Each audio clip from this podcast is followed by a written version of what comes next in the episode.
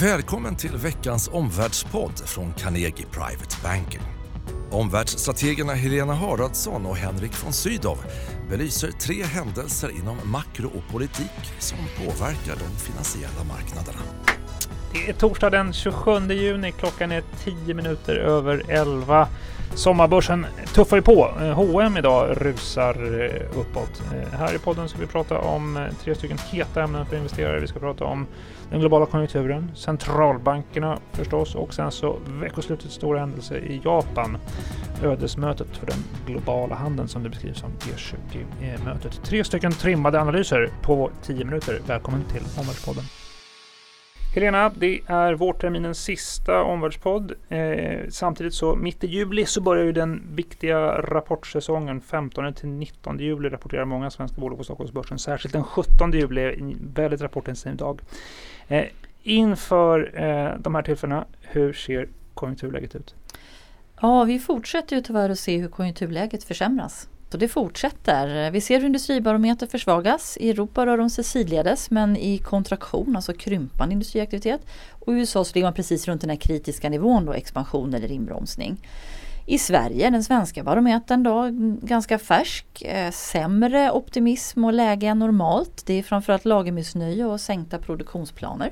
Mm. Eh, Carnegie Analys har ju kommit med en eh, alldeles färsk småbolagsbarometer. Det där är faktiskt då vår egen konjunkturmätare eh, mm. för småbolag. Vad, vad, vad säger bolag? Vad visar den barometern? Ja, det är lite intressant för den här gör man då varannan månad till skillnad från de här stora som görs varje månad.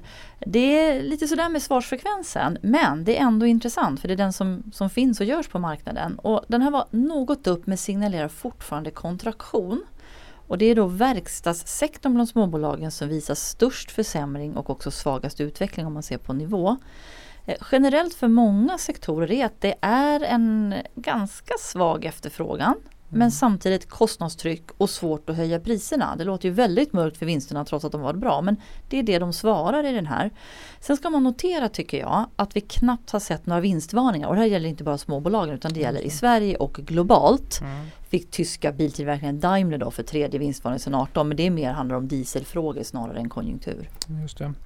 I det här läget som vi befinner oss och inför sommaren, vad, vad, vad håller du mest ögonen på? Vad kikar du mest på för att bedöma konjunkturen? Ja, det har väl inte undgått någon. Jag är väldigt förtjust i de här barometrarna för att de är så framåtblickande och framförallt när faktisk aktivitet och barometrar går åt samma håll, vilket är fallet nu då i, de, i alla regioner. Mm. Men jag tittar på, för det första, vad säger den viktiga amerikanska ISM-barometern? Den för industrin som kommer på måndag eftermiddag. Tycker jag är jättespännande för att svaga indikationer inför den.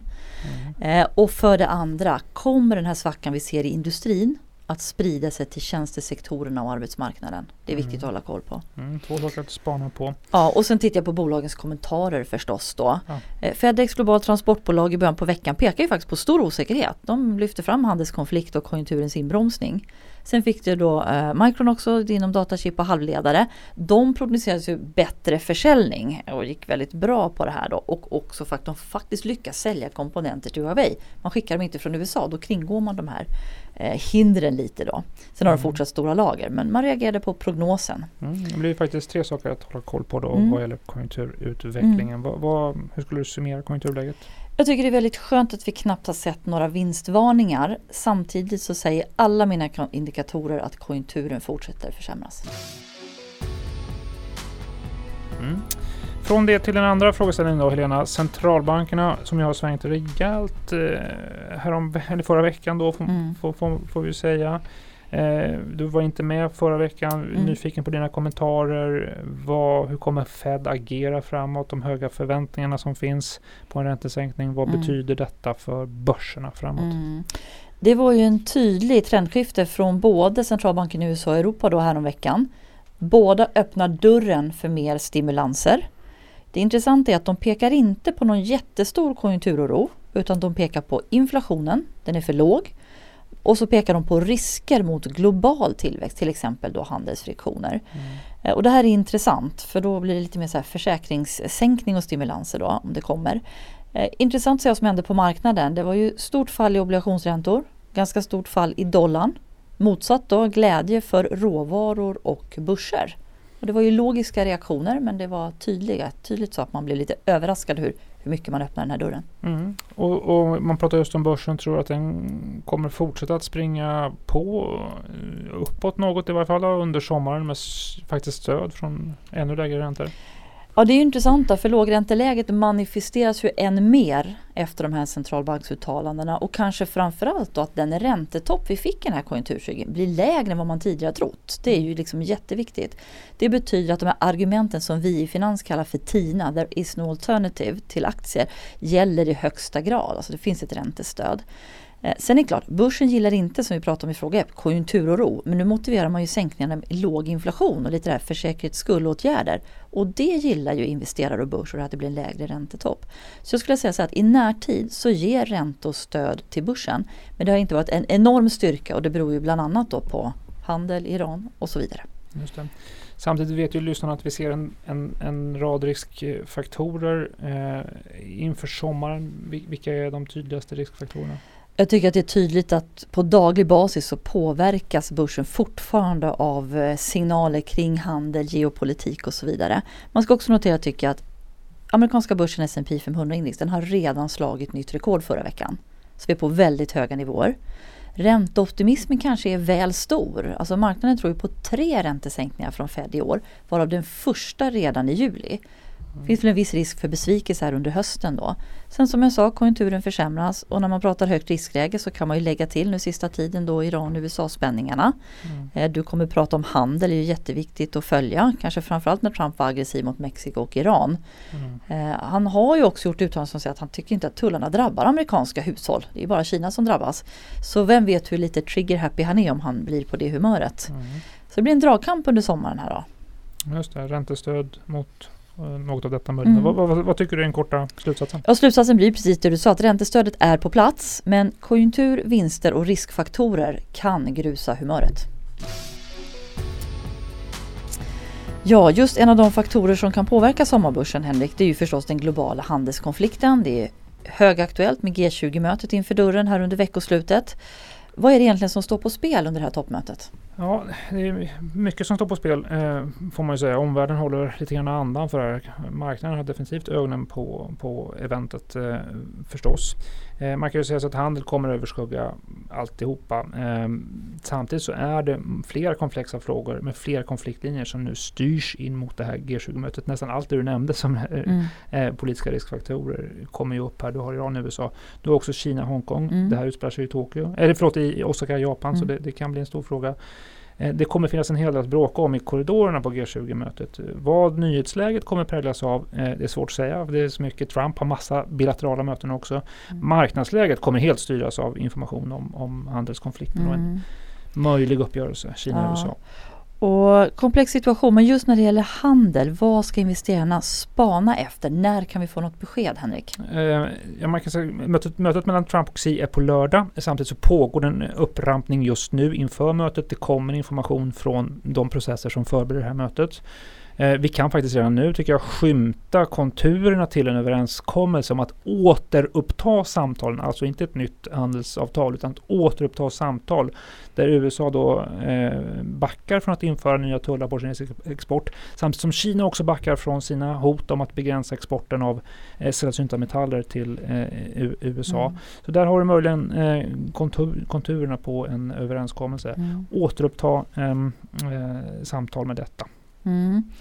Komplext, men man kan göra eftergifter, man kan återuppta samtalen. Men din bedömning Henrik, vad är det mest sannolika utfallet efter helgen? Ja, jag, jag tror att det mest sannolika är att eh, både Kina och USA väljer att undvika upptrappning i varje fall tillfället. Alltså man skjuter på de svåra frågorna framåt. Med det återupptar man handelssamtalen, kanske då under en begränsad tidsperiod, kanske 90 dagar. Det var, mm. Så var det vid senaste G20-mötet i Buenos Aires då, mm. i, i, december för ett halvår sedan. Samtidigt är det mycket som kan gå fel i det här. Alltså, Huawei kan absolut stå i mm. vägen för en, sån här, för, för, för, en sån här överenskommelse. Det är mycket vi inte ser heller, även om vi får indikationer från processerna. Så att det kan vara den här Hongkong-frågan mm. som är så känslig för kineserna. Tar USA upp det där eh, så kan det ju göra att Kina backar ut i mm. rummet. Så att det, det, är en hel del som kan gå fel. Ska man ha ett basscenario, ja, då är det ett försiktigt optimistiskt eh, mm. Eh, scenario om att parterna undviker upptrappning.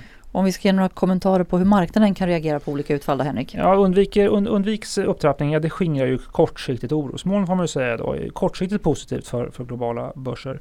Ska det vara mer varaktigt positivt för, för, för marknaderna så krävs något mer substantiellt, alltså så att säga, riktiga politiska eftergifter. Att man faktiskt väljer att backa från de åtgärder man nu har infört under eh, den här eh, handels och eh, techkonflikten.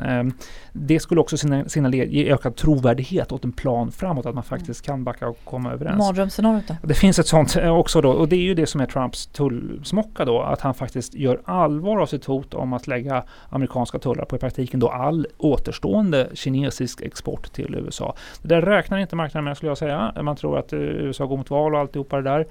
Eh, ja, man kan inte utesluta det scenariot. Det skulle ju eh, påtagligt sänka humöret då förstås på den glo de globala börserna. Utifrån hotet det du pratade om då, att då kan den globala konjunkturnedgången bli mycket mer påtaglig. Ja, dagens slutsatser i podden då. Sömnig makro är en risk för börsen men ränteoptimismen dominerar just nu. Centralbanksoptimismen kanske är väl stor en sänkning förväntas redan i juli och sen två till före årsskiftet. Här finns risk för besvikelse, alltså färre sänkningar under hösten. Och när det gäller G20, avgörande för momentum kring handelssamtalen. Vi förväntar oss att Kina och USA undviker upptrappning, men tyvärr inte mycket mer.